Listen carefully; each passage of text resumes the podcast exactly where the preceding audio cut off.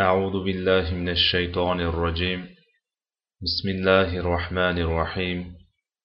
إن الحمد لله نحمده ونستعينه ونستغفره ونعوذ بالله من شرور أنفسنا ومن سيئات أعمالنا. من يهده الله فلا مضل له ومن يضلل فلا هادي له. وأشهد أن لا إله إلا الله وحده لا شريك له وأشهد أن محمدا عبده ورسوله اللهم علمنا ما ينفعنا وانفعنا بما علمتنا وزدنا علما السلام عليكم ورحمة الله وبركاته o'tgan darsimizda shayx izz ibn abdusalom rahimaullohning fatvosi qutuz va amirlarning mo'g'illarni qarshilab olish borasidagi fikrlari haqqu muammosi musulmon qo'shinining poklanishi kabilar mavzuyimiz bo'lgan edi. Misr lashkarining g'azoga otlanishi. Qutuz rohimahulloh mo'g'ullarga qarshi jang qilish qarorini bergan falastinga borib jang qilishga bel bog'lagan edi. Misr lashkari bir joyga jamlandi. So'ngra falastin sari odimlay boshladi. Bu hodisa hijriy 658 yil shabon oyining boshlari. Melodiy 1260 yil iyulning o'rtalariga to'g'ri kelgan edi. Ya'ni bu yo'lchilik yozning jazirama issiq kunlarida sinoning qurg'oq sahrosi orqali bo'lgan edi. Musulmon lashkar shimoli sharqqa sino tomonga. So'ngra sinoning shimoli bo'ylab o'rta yer dengizi sohili qarshisidan g'azogacha sahro uzra yo'l yurishdi. Parvardigoro biz sendan bu safarimizda yaxshilik va taqvoni amallardan esa o'zing rozi bo'ladiganini nasib etishingni so'raymiz. Parvardigoro bizlarga bu safarimizni yengil qilgin uzoqligini yaqin qil. Parvardigoro sen safarimizda yo'ldosh ahlimizda esa xalifasan. Parvardigoro bizni safar mashaqqatlaridan safarda qayg'uli ko'ngilsiz hodisalar sodir bo'lishidan va molu ahlimizga ziyon zahmat yetishidan o'zing asragin yo'l o'ta mashaqqatli edi. Musulmon jangchilar sabrla tabuk g'azotini yodga oldilar. Haqiqatan bu g'azot ayni tabuk g'azotidagi qiyinchiliklarni xotirlatardi. Tabuk g'azoti ham jazirama issiq kunlarda madinada iqtisodiy tanglik zamonida uzun sahro orqali bo'lgan safar va o'sha zamondagi eng quvvatli rum davlatiga qarshi bo'lgan jang edi. Bu safargi jangda ham musulmonlar xuddi shunday jazirama kunlarda sahro orqali yurish iqtisodiy tanglik damlari hamda yer kurrasidagi bahaybat va quvvatli mo'g'ul davlatiga qarshi bo'layotgan edi. Tarix takrorlanmoqda. Faqat tabuk kunida musulmonlar rum lashkarini topmagan va jang sodir bo'lmagan edi. Ammo bu g'azotda mo'g'ullar musulmonlarni kutib turardi. Qutuz rohimaulloh musulmon lashkarining saflarini tartiblashga kirishdi. Zero oldinda buyuk jang bor. Musulmon lashkar mo'g'ul qo'shinidan bir bo'lagiga duch kelsa ham jang qilishga tayyor turardi. Qutuz lashkarining boshiga yetuk qo'mondon rukniddin beybarsni tayin qildi. Uni lashkarning oldingi saflariga qo'yilishidan maqsad birinchi zarbada mo'g'ullarni yer tishlatish edi. Mo'g'ullarning oz qismini bo'lsa da birinchi zarbada yengilishi musulmon lashkarning ruhiyatini ko'tarardi. Qutuz rohimaulloh lashkarning oldingi safiga eng kuchli jangchilar guruhini qo'yish bilan birga bu guruhni lashkardan ajratdi va uni ancha oldinda yurishiga amr qildi. Bu esa mo'g'ul razvedkachilarining ko'zini shamg'alat qilish uchun qilingan edi. Toyinki mo'g'ullar bu guruhni ko'rib musulmon lashkari shu ekan deb shunga yarasha harakat qilgan vaqtda orqadagi asosiy qo'shin qaqshatkich zarbani berishi uchun edi. Qutuzning bu rejasi mo'g'ullarni xayoliga ham kelmadi. G'azo jangi. Rukniddin bebars rohimaulloh hijriy 658 yil 8 shabon. Melodiy 1260 yil 26 iyul kuni misr hududlaridan oshib falastin yerlariga kirdi. Musulmon lashkarining asosiy qismi yo'lda edi. Beybars falastin yerlariga kirishi bilan g'azodan o'ttiz kilometr janubda joylashgan rafah so'ngra uning shimolida joylashgan xon yunus va dayr al balahdan o'tib g'azoga yaqinlashib qoldi. Shundagina mo'g'ullar rukniddin Baybarsning lashkarini ko'rishdi. Qutuz rahimaulloh gumon qilganiday ular musulmon lashkarining bori shu deb taxmin qildilar va g'azodagi mo'g'ul lashkari boshqa shaharlardagi mo'g'ullardan madad ham so'ramay ularni qarshi olishga kirishdi. G'azoda musulmon lashkari bilan bayder boshliq mo'g'ul qo'shini o'rtasida to'qnashuv sodir bo'ldi. Ma'lumingizki musulmon lashkarining muqaddimasi ancha kuchli g'azodagi mo'g'ul guruhi esa nisbatan kuchsiz edi. Mo'g'ul qo'mondoni kitbuga va asosiy mo'g'ul lashkari esa biroz olisda markaziy harbiy lagerda ya'ni g'azodan 300 kilometr uzoqda livan yerlarida joylashgan baqo vodiysida bag'la bakkada edi. Barcha shart sharoitlar musulmonlar foydasiga xizmat qilayotgan kichik bo'lsada g'alaba nishonalari ko'rinayotgan edi. Voqeda ham rukniddin beybars boshliq qo'shin g'azodagi mo'g'ullar ustidan g'alaba qozondi. Ularning bir qismini o'ldirdi qolganlari shimolga qochib qolishdi. Shimolga qochganlari ketbuganing yoniga yetib kelib g'azodagi ayanchli mag'lubiyatlari va musulmon lashkarining shimol tarafga qarab kelayotgani xabarini berishdi. Mo'g'ul armiyasi esankirab yengildi. Ularni esankiratgan narsa nima edi? Ularni tasodifiy hujum yoki puxta harbiy reja dovdiratmadi balki ularga musulmonlarning jon jahdlari bilan ortga qaytmay jang qilishlari yangilik bo'lgandi. Musulmonlar dinlari vatanlari sharaflari va nomuslarini saqlash uchun kurash boshlagan edi. Mo'g'ullar yillarcha musulmonlarning qo'rqib qochishlariga guvoh bo'lib kelar musulmon boshliqlaridan doimo qulluq va mulozamatni topar edi.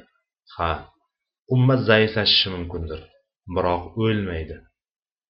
Ulardan kimlardir g'animlarga qulluq qilsa boshqalari allohning amri kelgunga qadar dinni va ummatni himoya qilib boradilar.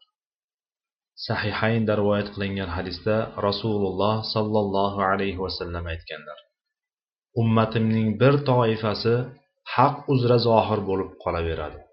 To qiyomat ularga qarshi chiqqanlar ham yordamsiz qo'yganlar ham ularga yordam berishda yoki ular bilan birga turishda qosirlik qilganlar ham zarar yetkaza olmaydilar. Ular qayerda yo rasululloh deb so'ralganda ular shomda deb javob berganlar. Imom ahmad abu umoma roziyallohu anhudan rivoyat qilgan hadisda ular qayerdalar yo rasululloh deb so'ralganda ular baytul maqdisda va baytul maqdisning atrofida deganlar. Baytul maqdis falastinda. Uning atrofi esa falastin va shom yerlaridir. Falastin g'alabalar diyori. G'azo jangi so'ngra ayni jarud janglari baytul maqdis va falastin xalqiga boshqa janglardan ko'p ham farq etmasdi. Alloh taolo falastin yerlarini musulmonlar uchun buyuk g'alabalar makoni qilgandir. Buni tarixga shunchaki nazar solgan kishi ham ko'ra oladi. To'g'ri bu joylarda ham yengilish va mag'lubiyatlar ro'y bergan. Lekin bu yerlarda musulmonlar qiyinchilikka duch kelgan zamonlarda buyuk g'alabalar yuz bergan. Musulmonlar falastin va shom yerlari ajnadin beyt shiyan va yarmukda rum imperatorligiga qarshi. Hittin tabariya va baytul maqdisda salibchilarga qarshi. G'azo ayn jalut va beyt shiyanda mo'g'ullarga qarshi qattiq va achchiq janglar olib bordi. Bundan so'ng musulmonlar akko asqalon hayfa va boshqalarda salibchilarga qarshi akkoda fransuzlarga qarshi turli davrlarda va xossatan melodiy 1936 yilda 4 yil davomida inglizlarga qarshi janglar olib bordi. Shuningdek bu yerlarda yahudiylarga qarshi janglar davom etmoqda. Allohning izni bilan yahudiylarning halokati bu muborak yerlarda yuz beradi. Bu orzu yoki taxmin emas balki nabaviy bashoratdir. Imom buxoriy va muslim abu hurayra roziyallohu anhudan rivoyat qilgan hadisda payg'ambar sollallohu alayhi vasallam aytganlar to musulmonlar yahudlarga qarshi urushmagunlaricha qiyomat qoyim bo'lmaydi. Shunda musulmonlar ularni o'ldiradilar. Yahudlar hatto tosh va daraxtlar ortiga yashirinib olishadi. Shunda tosh va daraxt ey musulmon ey ollohning bandasi ortimda yahud bor kel uni o'ldir deydi. Faqat g'ardaq unday demaydi. Ya'ni faqat g'ardaq daraxtigina unday demaydi. Chunki u yahudiylarning daraxtlaridandir. Musulmonlar g'azoda mo'g'ullar ustidan nusratga erishdilar. Garchi bu g'alaba juz'iy bo'lsa-da muhim ahamiyat kasb qilardi. Ba'zi tarixchilar g'azo jangini ko'p ham e'tiborga olmasa ba'zilari mutlaqo ahamiyat bermaydilar. Holbuki bu jang musulmonlar tarixida eng muhim ma'rakalardandir. Uning ahamiyati ko'p sondagi mo'g'ullarning qatl qilingani g'azoning muhim strategik joyligi va boshqa harbiy masalalar jihatidan emas. Uning ahamiyati musulmonlardagi ruhiy tushkunlikning bartaraf bo'lganidadir. Musulmonlar yengilmas deb nomlangan mo'g'ullarning tum taraqay qochishlariga ko'zlari bilan guvoh bo'ldilar. Musulmonlarning ruhiyati bag'oyat ko'tarildi.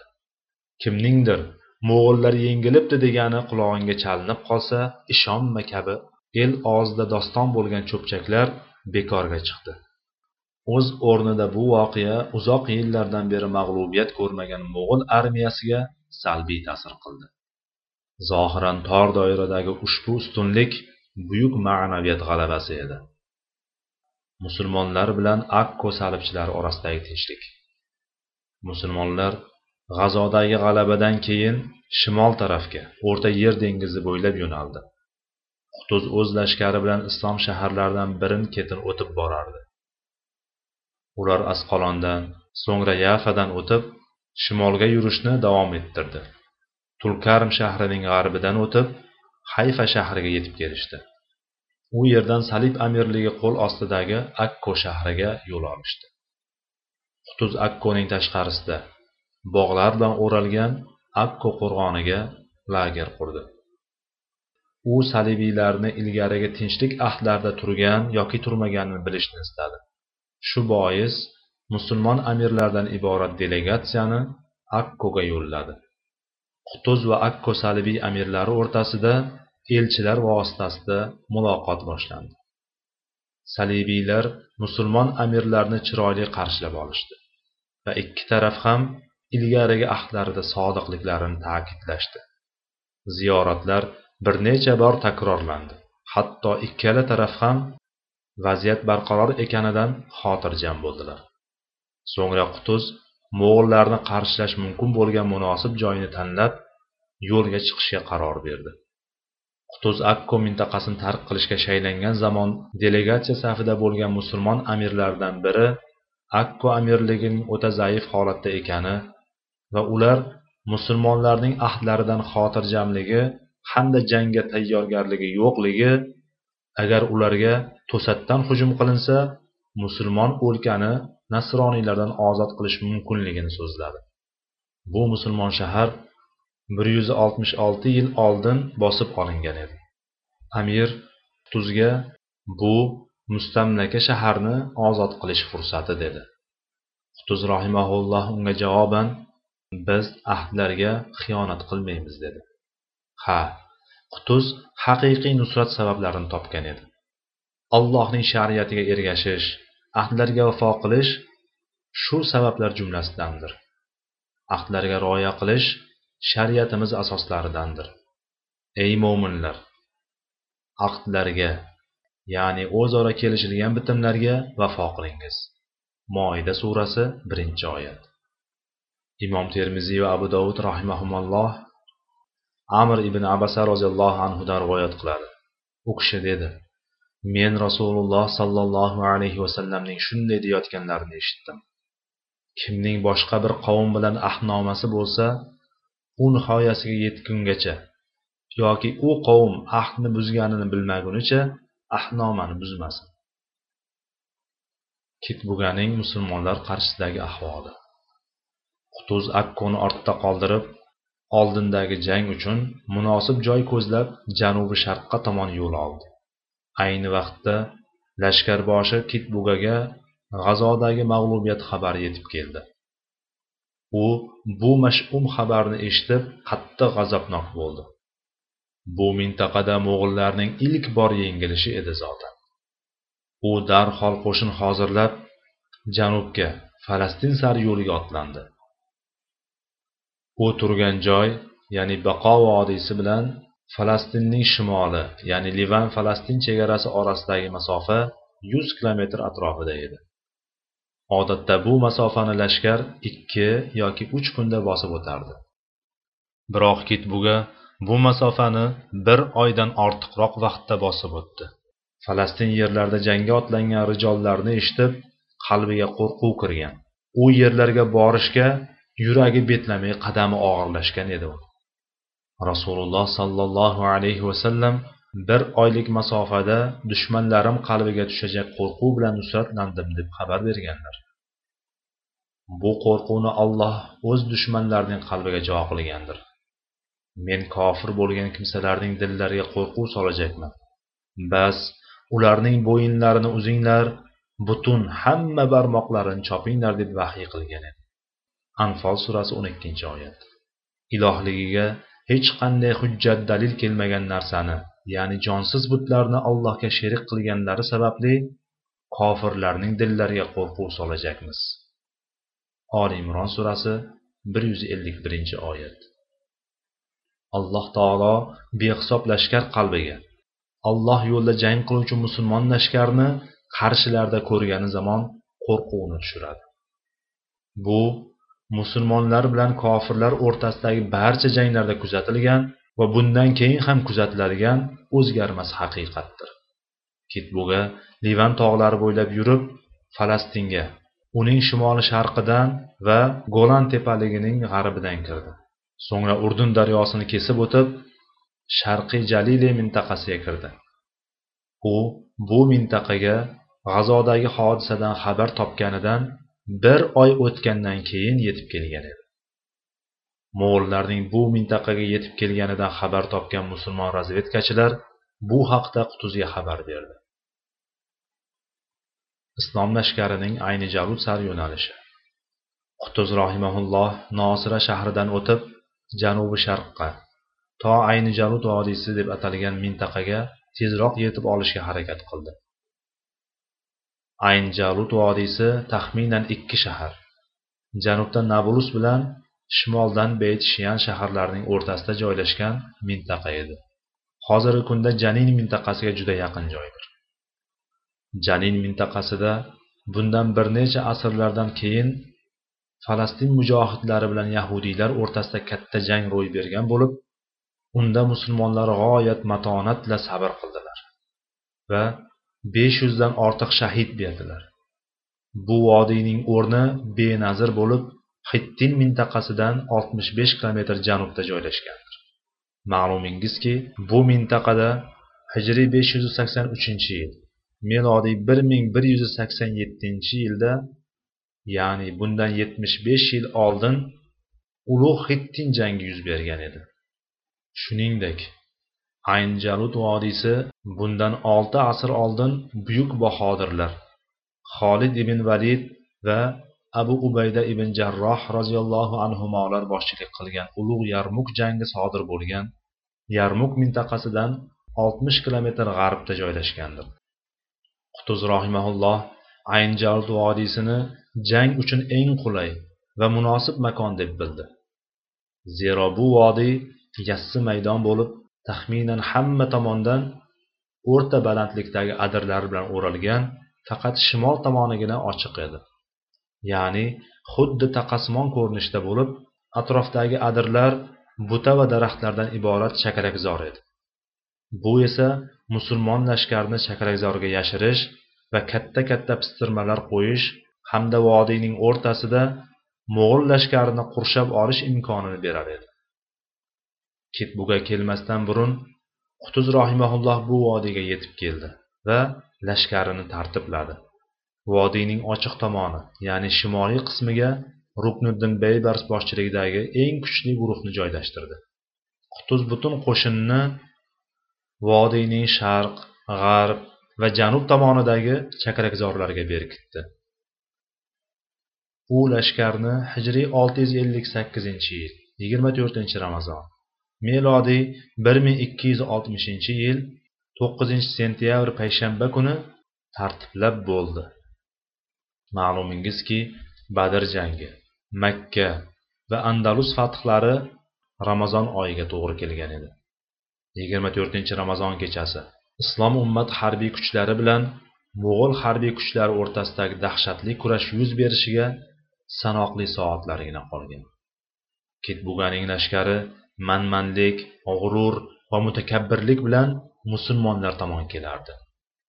Darhaqiqat ular o'zlariga bino qo'ydilar va juda katta ketdilar. Furqon surasi yigirma birinchi oyat. Mo'g'ul lashkari beyt shiyanning g'arbidan o'tib janubga o'zlarini intiqlik bilan kutib saflarini tartiblab turgan musulmon lashkari tarafga ya'ni ayni jarudga yo'naldi. Qutuz rohimaulloh ayni jarud vodiysida turgan damda falastin xalqidan shahar va qishloqlardan musulmonlarning katta guruhi askarlar safiga kelib qo'shildi. Yaqinda haqiqiy jang bo'lishiga ishonchlari komil edi. Bu ixtiyoriy ko'ngilli jangchilar mo'g'ullarning bir guruhi falastinga kelib uning shimolidan janubiga qarab to'liq egallagan va nihoyat g'azoni ham bosib olgan kezlarda qayerda edilar? Bundan oldin ular qayerda o'tirgan edilar? Hozir qayerdan chiqib keldilar? Yaqin tarixda muxlis boshliqlari bo'lmagan bu xalq bir tomondan qutuzday muxlis boshliqlardan ta'sirlansa ikkinchi tomondan esa yuqorida zikr qilganimiz ma'naviy g'alabadan ilhomlanardi desak yanglish bo'lmaydi. Bundan oldin dinga xizmat islom qadrini oliy qilishni istagan sodiq mo'minlarning aksariyati ergashishga salohiyatli o'rnak bo'lishga loyiq muxlis yo'lboshchi yo'qligi bois qo'l qovushtirib o'tirishdan boshqa chora topmasdi. To'g'ri ular muntazam armiya kabi kuchli va mahoratli bo'lmasalarda lekin Alloh yo'lida biror bir amal qilib qolishga mushtoq edilar. Bu ishtiyoq jang maydonida katta rol o'ynashi tabiiy hol. Qutuz ulardan qurol yaroq tashish va askarlarga xizmat ishlarida foydalandi. Shu bilan birga ular musulmonlarning qorasini ko'paytirar bu esa o'z navbatida kofirlar qalbiga qo'rquv solardi. O'shanda kasalligi yoki ojizligi yoki qariligi sabab jang ham xizmat ham qila olmaydigan ojizlar ayollar va bolalar qishloqlardan ayni jalut vodiysi sari chiqib kelishgan edi. Ular vodiyning atrofiga to'planib baralla baland ovozda takbir aytib allohu akbar deb musulmon lashkarining haqqiga duolar qilishardi. Qo'llar tillar va qalblar duo bilan band.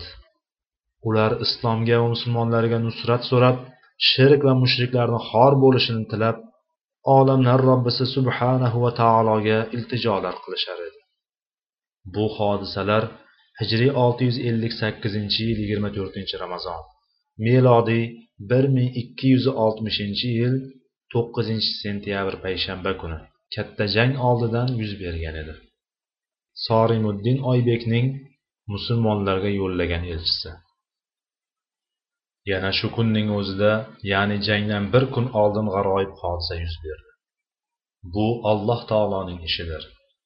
Islom lashkari ayni jarut vodiysida turgan zamon shom ahlidan bir kishi shoshilinch qutuz va uning atrofidagi amirlar bilan zudlik bilan ko'rishmoqchi ekanligini bildirdi. U o'zining sorimiddin oybekning elchisi ekanligini so'zladi. Sorimuddin xulagu shom yerlariga hujum qilganda asirga tushgan musulmonlardan biri bo'lib keyinchalik u mo'g'ul lashkari safida xizmat qilishni qabul qilgan edi. Sorimuddin mo'g'ullar safida ko'pgina janglarda ishtirok etgan va hozir ular bilan birga ayni jarudga kelayotgan edi. Nafsiga ergashib mo'g'ullarga yordam berishni qabul qilganmi yoki paytini poydab musulmonlarga yordam berishni qasd qilib majburlikdan ularni safiga qo'shilganmi? Noma'lum edi. Bu u bilan alloh taolo orasidagi sirdir. Bizga ma'lum bo'lgani u ayni jarud jangidan oldin qo'lidan kelgunicha musulmonlarga yordam berishga qaror bergan edi. Parvardigoringizning qo'shinlarini yolg'iz uning o'zigina bilur. Muddassir surasi o'ttiz birinchi oyat. Sorimuddin oybekni qutuz rohimaulloh ham musulmon amirlar ham tanimas edi. Uni bu o'ringa musulmonlarga ulkan xizmatlarni qilishi va allohning nusrati musulmonlar o'ylamagan tarafdan kelishi uchun olib kelgan alloh taolo edi. Bundan oldin ahzob g'azotida asosiy nusrat sababchisi nuaym ibn masudni olib kelgani kabi sorimuddin oybekni bu o'ringa keltirgan olloh barcha aybi nuqsonlardan pok zotdir parvardigoringizning qo'shinlarini yolg'iz uning o'zigina bilur. Muddasir o'ttiz birinchi oyat. Sorimuddin oybekning elchisi uchta ma'lumot bilan kelgan edi. Birinchi mo'g'ul lashkari har doimgidek quvvatli emas. Mo'g'ul xoni manguxonning o'limidan keyin xulagu bir qism qo'shinni olib tabrizga ketgan. Ayni vaqtda musulmonlar qarshisidagi mo'g'ul lashkari shomga bostirib kirgan avvalgi holatidan oz. Bu xabar juda muhim edi. Mo'g'ul qo'shini shomga kirgan holatidan kam bo'lsa ularning ustidan g'alabaga erishsa bo'ladi deb musulmonlar ruhan tetiklashdi. Ikkinchi mo'g'ul lashkarining o'ng qanoti. Chap qanotiga nisbatan quvvatlidir. Bunga ko'ra musulmonlar chap qanotni kuchaytirishi lozim edi. Bu harbiy ma'lumot ham g'oyat muhim edi. Uchinchi mo'g'ullar safida himsning amiri ashrof ayyubiy ham bor. Biroq u mo'g'ullarga yordam berayotganday ko'rinish bersa ham aslida esa jangda musulmonlarga yengilib beradi. Bu o'ringa islom lashkarining harbiy tahlilchilari ham jamlangan edi. Ular bu xabarlarning barchasi mo'g'ullarning hiylasi bo'lishidan qo'rqib bu mo'g'ullarning navbatdagi nayrangi ular bizni bu xabarlarga aldanib kerakli tadbirni olmasligimizni maqsad qilgan shunday ekan ogohligimizni ko'raylik dedilar. Lekin amalda esa bu ma'lumotlarni rostday e'tibor qilib saflarni shunga ko'ra tartibladilar keyin sorimuddinning gaplari mutlaqo rost ekani ma'lum bo'ldi. Hijriy olti yuz ellik sakkizinchi yil yigirma beshinchi ramazon kuni voqealari. Ramazonning yigirma to'rtinchi kuni nihoyasiga yetdi. Aksar musulmonlar kechani qiyom duo iltijo umid bilan bedor o'tkazdilar. Bu kecha shu yilning eng ulug' kechalaridan edi. Chunki avvalo bu kecha ramazon oyining oxirgi o'n kunligining tog' kechasi bo'lsa ikkinchidan alloh yo'lidagi jangdan oldingi kecha edi. Tong otganda vahshiy mo'g'ullardan millionlab musulmonlar qasosi olinajak. Allohdan jang maydonida sobit qadamlardan aylashini so'raymiz. Subh yaqinlashdi. Bomdod vaqti ham kirdi. Musulmonlar tong namozini xushu bilan ado etdilar. So'ngra saflarini tartiblay boshladilar. Tong otdi. Quyosh ham hayallamasdan har kungi o'zining topshirig'ini bajarib borliqqa nurini taratar edi. Bu kun osmonda ham yer yuzida ham bayram bo'lgan juma kuni edi. Shu bilan birga musulmonlar uchun buyuk nusratga erishajaklari sabab yanada ulug' bayram bo'ldi. Hijriy olti yuz ellik sakkizinchi yil yigirma beshinchi ramazon. Melodiy bir ming ikki yuz oltmishinchi yil o'ninchi sentyabr juma kuni. Islom tarixida mutlaqo ulug' kun bo'lgani uchun barcha musulmonlar bu sanani yodlarida saqlashlari lozimdir. Hijriy olti yuz ellik sakkizinchi yil yigirma beshinchi ramazon melodiy bir ming ikki yuz oltmishinchi yil o'ninchi sentyabr juma kuni. Quyosh chiqib olamni yoritganida musulmonlar uzoqdan vodiyning shimol tarafida mo'g'ul lashkarini ko'rdilar. Butun olamga qirg'in keltirgan vahshiy mo'g'ul lashkari vodiyga juda yaqin keldi. Vodiyning shimol tomoni ostonasida ulkan va bahaybat mo'g'ul lashkari to'xtadi. Vodiyda biror tirik jon ko'rinmasdi. Barcha musulmonlar hatto ruknuddin beybars boshliq lashkar muqaddimasi ham bu tongda tepaliklar ortiga berkingan edilar. Islom lashkari muqaddimasining ayni javudga tushishi. Islom lashkari qutuz rohimaulloh tayin qilganidek uning ishorasidan keyin ayni javud vodiysiga mo'g'ullar qarshisiga tusha boshladi. Lashkarning kuchli muqaddimasi birdan tushmadi balki bosqichma bosqich jangga kirdi.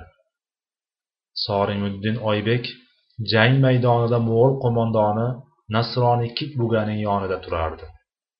U islom lashkari muqaddimasining jang maydoniga kirib kelishini shunday vasflaydi. Tong otishi bilan islom lashkari ko'rina boshladi. Uning birinchi guruhi qizil va oq kiyimda edi. Jang maydoniga birinchi bo'lib kirgan guruh sof ranglar oq va qizil rangli libosda edi. Musulmonlarning har bir guruhi o'ziga xos libosda. Ya'ni ust boshlari qilich va qalqonlari va otlari go'zal ko'rinishda edi. Sorimuddin oybek qonxo'r kitbuga haqida gapirib shunday deydi. Buni ko'rgan kitbuga uning atrofidagi mo'g'ul lashkari esankirab qoldi. Shunda bu inkor qiluvchi dovdirab qoldi. Alloh zolim kimsalarni hidoyat qilmaydi. Baqara surasi ikki yuz ellik sakkizinchi oyat. Darhaqiqat. U musulmon lashkarini birinchi marotaba bunday ko'rinishda ko'rayotgan edi. Bundan oldin u hamisha musulmonlarni qal'a va qo'rg'onlar ortida qo'rqib dahshatga tushgan yoki mo'g'ullarni ko'rib ortiga qaramay qochayotgan yoki xor bo'lib boshlarini mo'g'ullarning qilichiga tutib berayotgan holatda ko'raverib o'rganib qolgan edi. Ammo hozirchi u dovdirab qoldi. U musulmonlarni bunday haybatli ko'rinishda ko'raman deb hecham o'ylamagan yetti uxlab tushida ham ko'rmagan edi. Kitbuganing qalbiga qo'rquv tushdi. U sorimiddin oybekdan so'radi ey sorim bu rang bu guruh kimniki? Haqiqatdan guruh benazir ko'rinishda edi. Sorimuddin oybek unga javoban mamluklar amiridan biri sunkar rumiy guruhi dedi. Mamluklar bir biridan o'ziga xos ranglar bilan ajralib turardi. Har bir guruhning o'z rangi bo'lar. Ba'zisi oq va qizil bo'lsa boshqasi ko'k va yashil yana boshqasi yanada boshqa rangda bo'lardi. O'sha rang shu guruhga ishora qilardi. Ularning misrdagi omborlari va uylari ham shu rangda bo'lardi. Bu ranglar orqali ular bir birlaridan ajralib turardi. Xonxo'r zolim mo'g'ul qo'mondonining qalbiga qo'rquv solgan guruh hali islom lashkari muqaddimasining hammasi emasdi. Vahshiy mo'g'ul sardori va mo'g'ul lashkari qalbiga kirgan qo'rquvni faqat quyidagi hadis zamirida sharhlashimiz mumkin. Rasululloh sollallohu alayhi vasallam bir oylik masofadan dushmanlarim qalbiga tushajak qo'rquv bilan nusratlandim deb xabar berganlar. Zero nusrat faqat alloh taolo huzuridandir. Ularning qalbiga bu qo'rquvni jo qilgan zot faqat alloh subhanahu va taolodir. Bir muncha zamon o'tgandan so'ng ikkinchi guruh jang maydoniga tushdi. Ular sariq libosda edi. Ularning savlatlari va go'zalliklarini ta'riflash qiyin edi. Kitbuga titrab ketdi va sorimuddindan so'radi bu kimning guruhi? Sorimuddin dedi bu yana bir mamluk amiri livanlik ar roshid guruhi. So'ngra rukniddin beybarsning qolgan guruhlari jang maydoniga tushdi. Har bir guruh boshqacha rangda edi. Har bir guruh jang maydoniga tushganda kitbuga sorimuddindan so'rar u esa o'zidan to'qib asli bo'lmagan turli nomlarni zikr qilardi. Bu bilan u kitbuganing mamluklar benihoya ko'p ekan misr shom va boshqa joydagi mamluklar quvvati jamlanibdi deb o'ylashini va oxir oqibat uning qalbiga qo'rquv solishni qasd qilgan edi.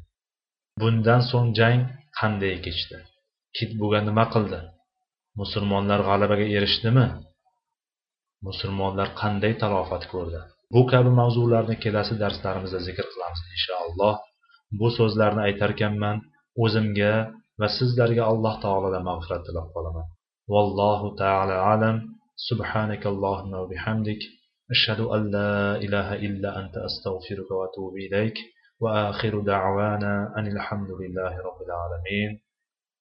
والسلام عليكم ورحمة الله وبركاته.